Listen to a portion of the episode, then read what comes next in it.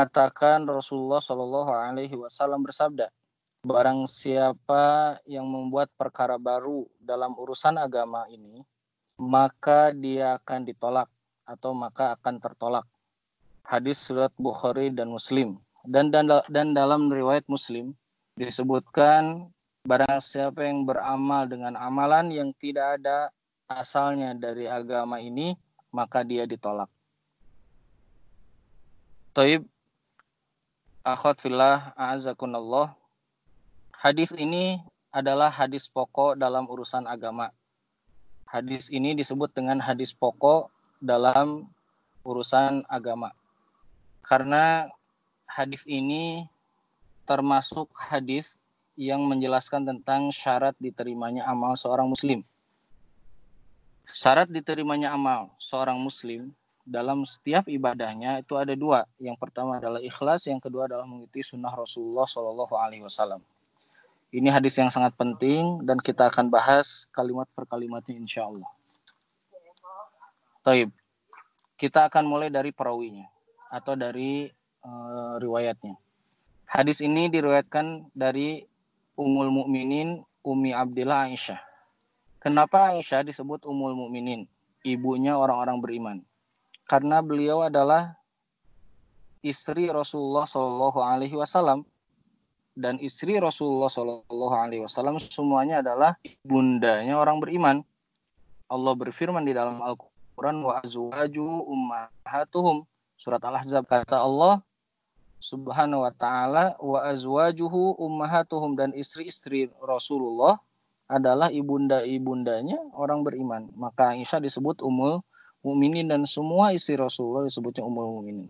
Kemudian kenapa disebut Ummi Abdillah? Karena ini kunyah. Apakah Aisyah putra, punya putra namanya Abdullah? Ya. Sepakat para ulama ya mengatakan bahwa Aisyah tidak memiliki putra ya dan tidak memiliki uh, putri juga.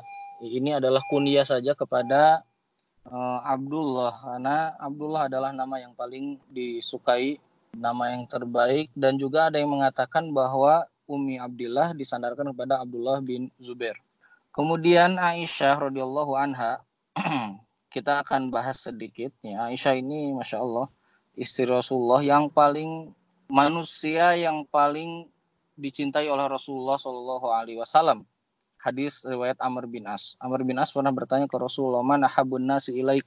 Wahai Rasulullah, siapa orang yang paling kau sukai, yang paling kau cintai? Kata Rasulullah Aisyah.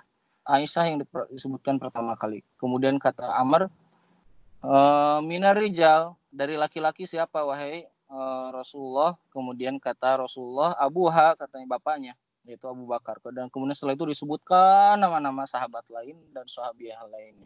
Nah, jadi Aisyah adalah e, dan Aisyah adalah seorang wanita yang paling mengerti tentang agama Islam, paling mengerti tentang din ini.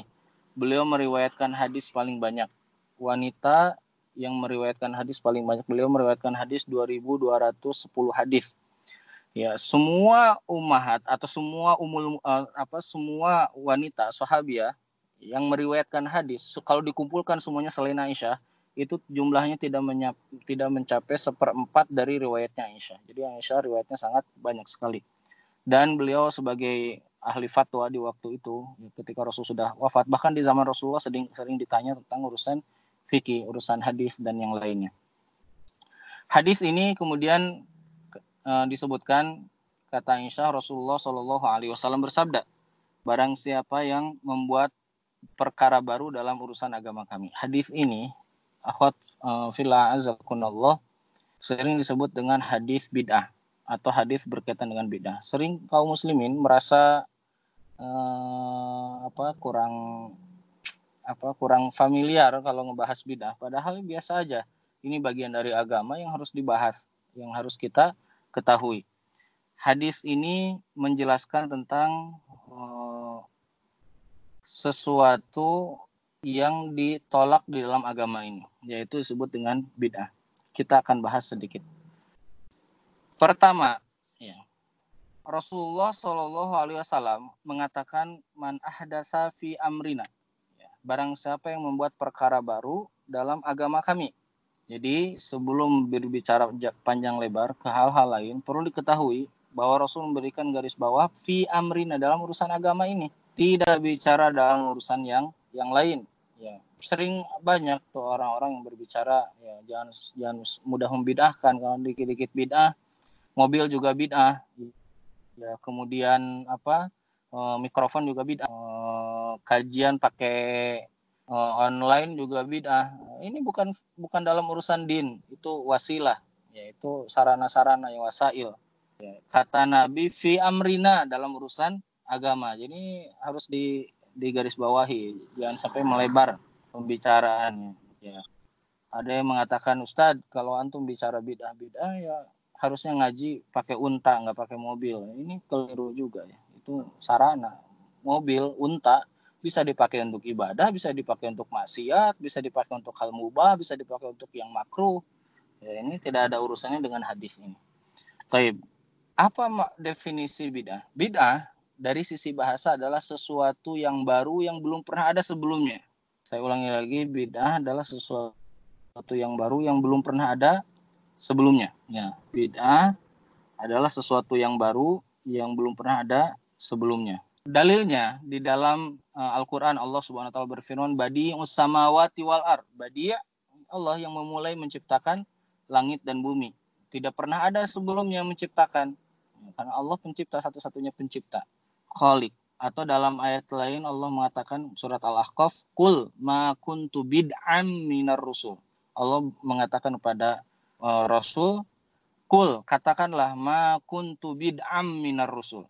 Ya, aku bukanlah orang yang bid'am, bid'ah, bid'am minar rasul, bukan orang pertama kali yang jadi rasul. Sebelum aku sudah ada rasul-rasul lain. Jadi bahasa adalah sesuatu yang sebelumnya belum ada, juga sesuatu yang sebelumnya belum ada. Adapun bid'ah secara istilah, secara syar'i adalah umurun ya segala sesuatu dalam urusan agama yang dibuat yang dengannya dia bertakorup kepada Allah Subhanahu wa taala yang tidak ada landasannya. Taib. Itu definisi dari Imam Syatibi. Kita akan bahas uh, sedikit demi sedikit. Kata Nabi, "Man ahdasa fi amrina." Siapa yang membuat perkara baru dalam urusan agama kami. Kalau dalam agama, ya, sebelumnya ada landasannya, ada contohnya dari Rasulullah. Kemudian pernah ditinggalkan oleh umat dan kemudian dilakukan lagi oleh umat ya tidak disebut bidah karena sudah pernah ada landasan karena bidah itu ada sesuatu yang belum pernah ada contohnya sebelumnya. Terus ada yang bertanya, ya Ustadz bagaimana kalau seandainya orang melakukan sesuatu yang dulunya sudah pernah ada ya, atau ada dalam agama seperti zikir itu ada dalam agama e, baca Quran ada dalam agama tapi caranya tidak dicontohkan oleh Rasulullah. Nah sesuatu yang tidak dicontohkan oleh Rasulullah atau sesuatu yang tidak ada dalam agama itu, ya, atau dikatakan mencakup pada, pada sesuatu yang ada dalam agama ini harus memenuhi beberapa syarat. Di antaranya dia harus memenuhi sebabnya, ada syarat yang harus diper, diperhatikan. Satu misalnya semua amalan, ya amalan itu kalau ada sebabnya, maka lihat sebabnya. Apakah dengan sebab itu dia melakukan Rasulullah pernah melakukan itu atau belum. Kalau belum pernah, maka dia disebut dengan bina. Misal, ya, orang sholat tahiyatul masjid. Kalau kita orang masuk masjid sholat dua rakaat kita, kenapa kamu sholat dua rakaat tahiyatul masjid? Kenapa sholat tahiyatul masjid? Karena masuk masjid. Rasul pernah nggak melakukan itu? Sholat dua rakaat gara-gara atau sebabnya karena masuk masjid. Oh pernah Rasulullah pernah melakukan. Berarti diterima. Ya sekarang begini. Sholat misalnya ada setiap ada seorang uh, akhwat ya setiap masuk rumahnya dia sholat dua rakaat atau sholat empat rakaat. Setiap masuk rumahnya dia sholat dia bilang ini kayak tahiyatul masjid. Nah, pernah Rasulullah melakukan itu? Masuk rumah kemudian melakukan sholat itu. Oh nggak pernah. Berarti dia termasuk kepada perkara yang yang bid'ah. Nah sholat dijelaskan dalam agama dan tidak sesuai ya, maka tidak akan di, diterima. Misal lagi, misalnya eh, apa orang orang misalnya gini di zaman Rasulullah di tahun kedua hijrah itu ada namanya perang Badar dan Islam menang di perang Badar itu. Misalnya kita melakukan perayaan di tahun kedua Hijriah di bulan Ramadan karena perang Badar. Perayaan negara menang di perang Badar. Oh nggak pernah, berarti ditinggalkan. Jadi pertama sebab. Contohnya banyak ya, tidak bisa kita bahas secara detail. Yang kedua, ya dilihat kaifiatnya. Ya, dilihat kaifiatnya, tata caranya. Ada misalnya begini, zikir. Ya. Zikir itu masyru, disyariatkan dalam agama. Tapi misalnya ada orang dia kalau zikir dia loncat-loncat. Ya, zikirnya loncat-loncat sambil teriak-teriak. Ya. Nah, ini zikir disyariatkan, tapi kalau caranya tidak diperintahkan tidak akan diterima. Misalnya orang wudhu dimulainya dengan mencuci kaki, tidak akan diterima. Ya, karena dia tidak melakukan tata caranya sesuai dengan tata cara yang dicontohkan oleh Rasulullah Shallallahu Alaihi Wasallam. Jadi dua tata cara, satu sebab, yang kedua tata cara, yang ketiga eh, berkaitan dengan waktu, misalnya waktu, berkaitan dengan waktu. Kalau orang misalnya, kenapa orang itu sholat atau kenapa orang itu saum sebulan penuh? Karena masuk bulan Ramadan dan itu sholat dan itu namanya saum saum Ramadan saum yang yang fardu. Kalau sekarang ada orang dan saum fardu dan dia lakukannya misalnya di bulan Rabiul Tsani Rabiul Akhir kayak bulan kemarin. Apakah ada Rasul pernah melakukannya? Nggak pernah di waktu itu nggak pernah Rasul eh, saum sebulan penuh dan itu saum wajib nggak pernah nggak ada. Oh, berarti tidak diterima. Maka lihat waktunya lihat waktunya sesuai atau tidak. Oh kayak orang misalnya sholat ada yang bilang ke saya, Ustaz saya itu kalau dari Bandung suka ke Jakarta karena mau rapat, karena khawatir terlambat rapat, maka saya sholat subuhnya sebelum azan. Jadi setengah empat sholat udah sholat subuh, setengah, setengah empat waktu Bandung sudah sholat subuh. Oh, padahal subuhnya jam 4 lewat. Ya, apakah diterima? Ya, tidak akan diterima karena belum masuk waktu sholat. Jadi saya ulangi lagi pertama ibadah itu uh, saya ulangi lagi ibadah itu harus dilihat enam hal berkaitan dengan enam hal satu dilihat sebab kalau karena sebab itu Rasul pernah melakukannya maka silahkan misalnya gini hari ini di Indonesia ada uh, afwan ya kemarin ada gerhana misalnya tiba-tiba misalnya besok ada orang sholat gerhana di rumahnya ya gerakannya gerakan sholat gerhana rukunya empat kali Apakah diterima? Ya tidak akan diterima. Kalau ditanya kamu sholat apa? Gerhana. Ada gerhananya nggak? Nggak ada. Ya nggak akan diterima. Jadi dilihat sebab. Yang kedua tata cara. Yang ketiga dilihat waktu. Yang keempat dilihat tempat. Kalau ibadah, ya tempatnya tidak disyariatkan, maka dan berkaitan dengan tempat dan tempatnya tidak disyariatkan, maka dia tidak akan diterima. Misal atau termasuk kepada sesuatu yang akan ditolak. Misalnya, ada orang misalnya umroh ya umrohnya tidak ke Masjidil Haram umrohnya dia ke India misalnya atau ke Yaman ya tidak akan diterima umrohnya harus ke ke Masjidil Haram ya maka ini harus dilihat misalnya ada seorang lelaki bilang saya insya Allah mulai uh, uh, tahun ini itikafnya mau di rumah tidak disebut itikaf itikaf itu tempatnya di di masjid Nah, ini berkaitan dengan tempat. Kalau tempatnya tidak dicontohkan, maka dia tidak akan diterima. Yang kelima, berkaitan dengan jumlah. Jumlah, ya, misalnya sholat, ya.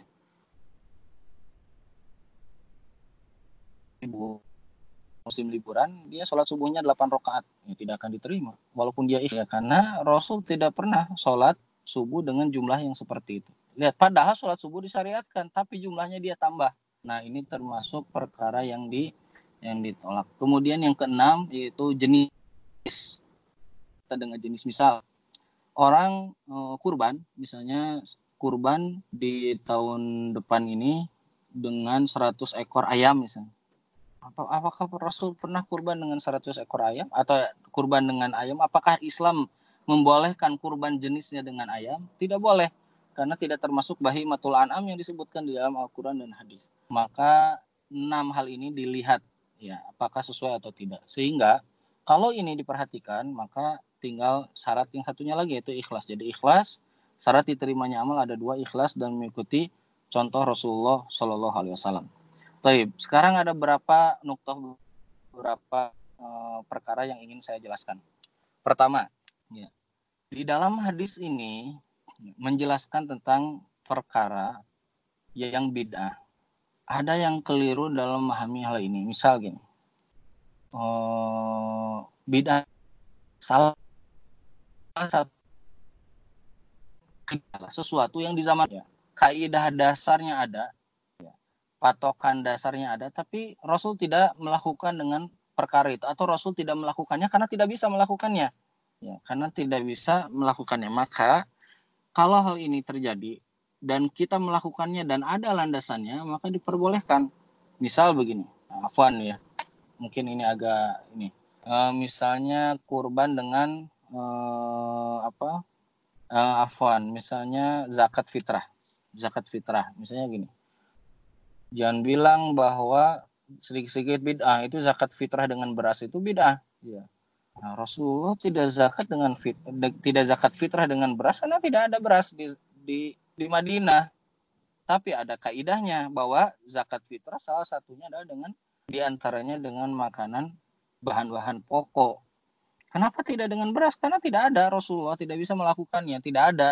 Ya, maka Rasulullah Shallallahu Alaihi Wasallam meninggalkannya karena hmm, tidak karena Rasulullah Shallallahu Alaihi Wasallam ya, ketika itu tidak ada beras maka Rasulullah SAW meninggalkannya. Taib. Satu itu ya. Jadi jangan sampai keliru gitu. Eh, apa jangan misalnya dikit-dikit beda, dikit-dikit beda. Kayak beda itu ada kaidah-kaidahnya. Kemudian yang kedua sesuatu dikatakan bid'ah itu kalau dia yulazim, kalau dia membiasakannya Ya, tapi kalau orang misalnya orang nggak punya dia nggak paham ilmu syari, tiba-tiba melakukan uh, satu ibadah dan tidak sesuai dengan contoh Rasul, dia belum termasuk ke dalam kategori bid'ah. Dia baru disebutnya mukhalifus sunnah, menyelisihi sunnah itu karena bid'ah itu maksiat yang lebih tinggi. Mukhalifus sunnah aja karena dia mungkin keliru atau mungkin dia lupa atau mungkin dia khilaf ya atau mungkin dia belum belum tahu maka dia tidak disebut ke dalam kategori yang ini. Kemudian yang kalau seandainya ya orang itu melakukan suatu yang sudah jelas itu tidak ada contohnya dan dia rutinkan terus-terusan itu dengan menganggap itu adalah bagian daripada ibadah, nah barulah dia masuk ke dalam kategori kategori bidah. Saya ulangi lagi, tadi di antara kaidah bidah adalah kalau di zaman Rasulullah panduan asalnya ada, tapi Rasul tidak melakukan persis seperti yang sekarang misalnya umat Islam lakukan, ya karena keterbatasan di zaman Rasulullah dan kita melakukannya tapi ada landasan pokoknya maka itu diperbolehkan tidak termasuk bid'ah seperti zakat dengan beras. Ya, karena Rasul tidak zakat dengan beras karena Rasulullah di Madinah waktu itu tidak ada.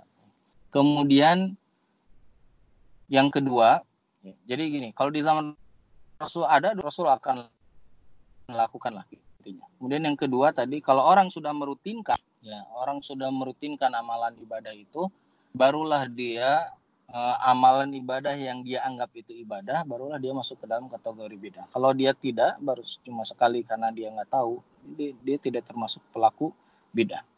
Terakhir, ya berkaitan dengan uh, bid'ah ini, bahwa um, apa poin bid'ah ini, bahwa Ibnu Qayyim al-Jauziyah dan para ulama lain mengatakan bid'ah itu dosanya atau pelaku bid'ah itu atau perbuatan bid'ah itu lebih berbahaya dari maksiat saya ulangi lagi, bid'ah itu lebih berbahaya daripada perbuatan maksiat. Perbuatan apa saja, mencuri, ya, membunuh dan yang lain. Kenapa? Ibnu Qayyim menjelaskan sangat indah sekali di dalam kitab ada Wadawa, ya, uh, karya beli uh, kitab tentang penyakit hati dan obatnya. Beliau mengatakan karena pelaku bid'ah itu melakukan perbuatan bid'ah karena dia anggap itu ibadah, bukan maksiat sehingga pelaku bid'ah itu lebih susah bertaubat daripada orang yang bermaksiat. Kalau orang maksiat, orang habis merampok, nyuri harta orang, habis dia membunuh, dia maunya kan sedih dan tahu dia sudah maksiat. Dia bertaubat dan bisa merubah dirinya. Kenapa? Karena dianggap dia ibadah. Bahkan dia akan menentang siapa saja yang menolak ibadah yang dia sedang sedang lakukan. Nah ini bahayanya bid'ah. Maka Ibnu Qayyim mengatakan pelaku bid'ah itu mereka sedang memutus jalan mereka ke surga karena mereka sudah apa susah untuk diberitahu karena tidak menganggap dirinya sedang berbuat salah karena dia anggap dirinya baik. Baik, ada nuktoh akhir ya di dalam hadis ini yaitu tentang apakah bidah itu ada um, apa ada bagiannya atau ada dua macam atau cuma satu. Berdasarkan hadis sahih yang diriwayatkan oleh um, apa banyak riwayat bahwa bidah itu adalah satu sebagaimana kata Nabi kullu bid uh, apa Rasulullah SAW bersabda fa inna asdaq uh, apa fa inna khairal hadyu uh, fa inna khairal hadi hadyu Muhammadin sallallahu alaihi wasallam wa syarrul umuri muhdatsatuha wa kullu muhdatsatin bid'ah wa kullu bid'atin dolalah kata Nabi setiap bid'ah itu sesat. Terus kok ada pembagian bid'ah baik buruk, bid'ah hasanah dan bid'ah sayyah. Taib. Tadi kan di awal sudah saya jelaskan ada bid'ah secara bahasa, ada bid'ah secara istilah. Jumhur ulama semuanya sepakat bid'ah itu cuma satu. Karena Nabi yang bilang, kata Nabi kulu bid'atin dolah. Terus dari mana ada kata-kata bid'ah hasanah? Kita akan bahas. Hadisnya riwayat Bukhari ya tentang Umar bin Khattab radhiyallahu an. Ketika Ramadan, Umar ketika itu menjadi khalifah, ya, Umar bin Khattab radhiyallahu an melihat di masjid itu para sahabat sholatnya berkumpul masing-masing beda-beda. Ya, jadi di sana berjamaah, di pojok sana berjamaah berapa orang, di sebelah sini jamaah berapa orang. Kemudian Umar mengumpulkan, ya, mengusulkan untuk disatukan dengan satu imam. Esok harinya semuanya sholat dengan imam satu imam, yaitu adalah Ubay bin Kaab. Ya. Kemudian kata kemudian dilakukanlah sholat tarawih itu dengan uh, imamnya satu, yaitu Ubay bin Kaab. Ya, Ubay bin Kaab kita tahu dia adalah akrauha kata Nabi akrauha lil ummah ya orang yang paling bagus bacaan Al-Qur'an atau yang paling kuat bacaannya. Nah, kemudian kata Umar ketika dilihat ya kaum muslimin disatukan dalam satu jamaah dengan satu imam di malam eh, Ramadan maka kata Umar bin Khattab nikmatul bid'ah hadhihi eh, apa bid'ah yang bagus itu ini gitu. kata Umar bin Khattab radhiyallahu. Nah, kata Umar nikmatul bid'ah hadhihi. Ini bid'ah yang bagus. Ini kita akan bahas ya kalimat Umar ini. Satu, apakah mungkin Umar ya, secara secara akal hati ya orang yang paling mencintai Rasulullah dekat dengan Rasulullah kemudian dia melakukan sesuatu yang tidak pernah dicontohkan oleh Rasulullah SAW atau dia melanggar syariat satu ya, ini mustahil yang sholat yang dikumpulkan oleh Umar bin Khattab ini. Apakah tidak pernah ada di zaman Rasulullah? Ada. Hadisnya hadisnya sahih banyak sekali.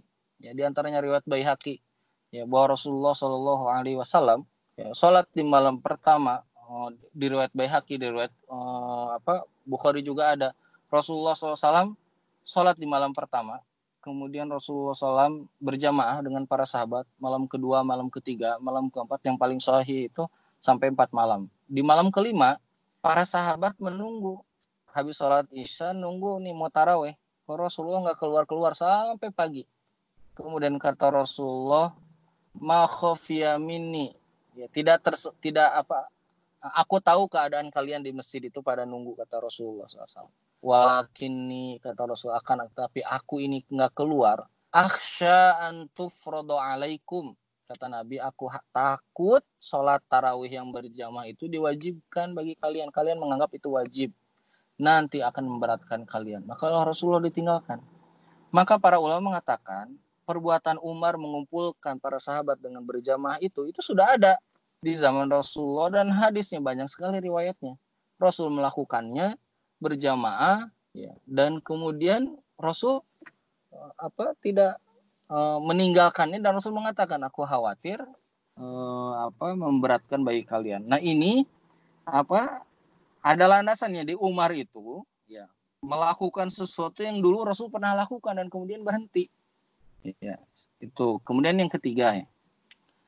Rasulullah SAW di dalam riwayat Baihaqi pernah keluar dari rumahnya di malam Ramadan. Kemudian Rasul melihat siapa itu yang lagi di masjid, lagi sholat. Kata sahabat, itu adalah para sahabat yang tidak hafal Al-Quran sedang sholat atau tidak memiliki Al-Quran sedang sholat dengan diimami oleh Ubay bin Kaab.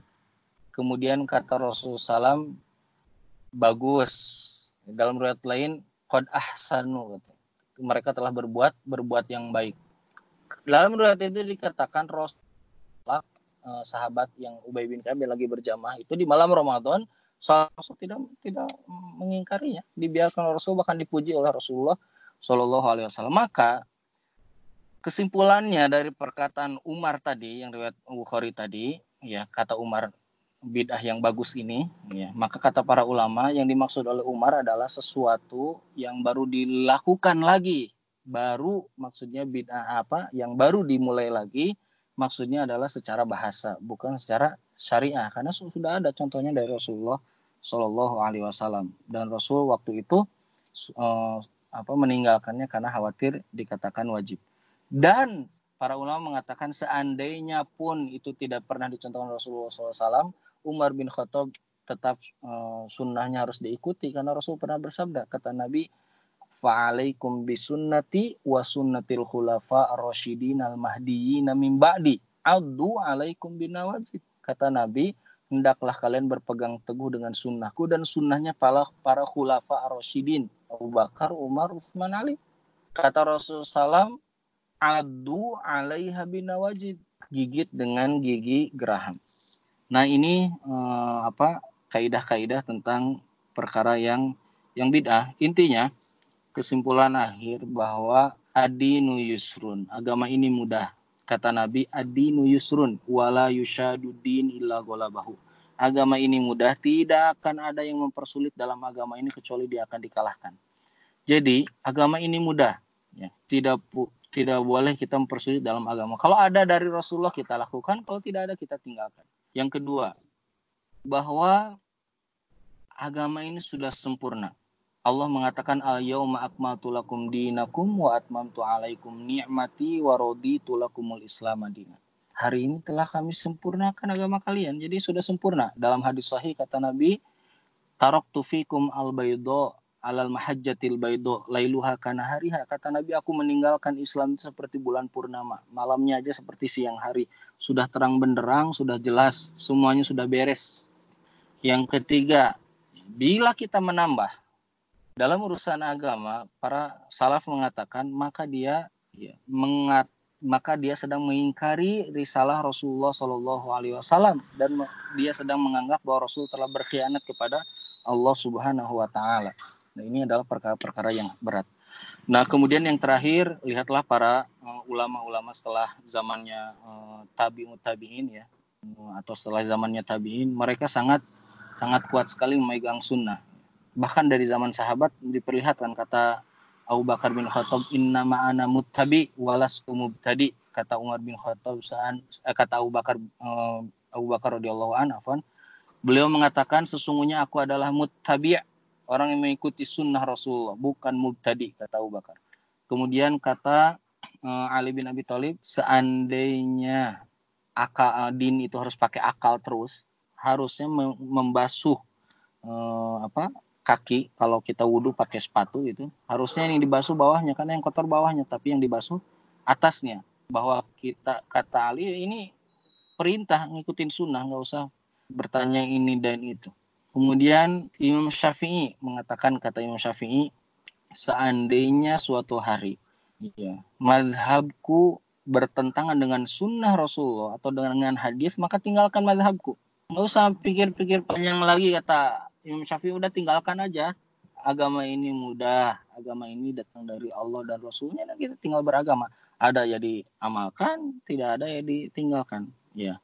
Maka kalau ada yang bertanya kenapa harus urusan agama pakai dalil? Ya karena yang menyuruhnya Allah dan Rasulnya. Ya, dan kita harus punya argumen. Dalam urusan dunia saja manusia ini hidup pakai argumen. Ya kalau ada orang misalnya ya, dia diberitahu ketika dia sakit dikasih tahu tuh dokter yang sebelah sana yang bagus. Dia akan cari dalil. Betul nggak itu? Dokter itu bagus. Dia akan cari referensi-referensi dia. Bahkan dia kalau sakit akan bertanya ke ahlinya langsung. Bahkan ke spesialisnya. Bukan ke dokter umum. Karena dia ingin mendapatkan argumen yang kuat. Dalil yang kuat. Masa dalam urusan agama kita sangat berat sekali menerima dalil. Nah ini hadis ini um, sebetulnya sangat panjang sekali.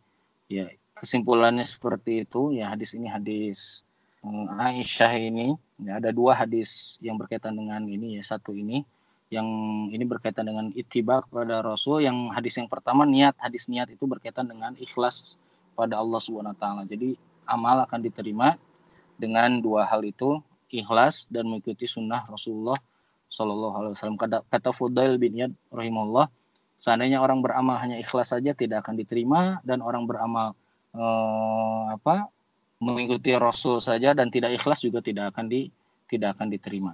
Dan lihat amal itu harus dilihat baik dan benar. Benar nggak mengikuti Rasul? Kalau baca Quran itu baik tapi kalau bacanya di toilet ya tidak. Jadi itulah eh, syarah hadis secara ringkas dari hadis Aisyah. Penutup Aisyah radhiyallahu anha ini wafat di tahun beliau wafat di tahun di usia 63 tahun sama seperti Rasulullah SAW karena beliau juga uh, Aisyah ini sama uh, wafatnya sama juga seperti ayahnya yaitu Abu Bakar As-Siddiq. Abu Bakar sama seperti Rasulullah uh, 63 tahun. Dan Aisyah kalau tidak salah di tahun 57 Hijriah wafatnya. Tapi sampai sini dulu pembahasan uh, hadis yang kelima ya pembahasan singkat dari hadis Arba'in Anawi. Ya, jazakallahu khairan atas atas materinya. Kepada Mbak Mbak yang ingin bertanya, persilakan bisa diketik atau bicara langsung? Ya Mbak Mbak apakah ada yang ingin bertanya atau berdiskusi? Saya hitung sampai lima ya Mbak Mbak ya. Satu dua tiga empat lima. Ya mungkin sudah sangat jelas Ustadz. Uh, jadi tidak ada yeah. peserta yang bertanya sekali lagi jazakallahu khairan Ustadz atas uh, materinya semoga kita semua bisa menerapkan apa-apa yang telah uh, disampaikan oleh Ustadz pada malam hari ini kalau begitu, karena sudah malam, saya langsung tutup saja ya forum kita pada malam hari ini. Mari kita tutup dengan doa kafaratul majelis. Subhanakallahumma wa bihamdika. Mohon maaf jika dari kami banyak kesalahan. Uh, saya selaku MC menutup forum ini. Assalamualaikum warahmatullahi wabarakatuh.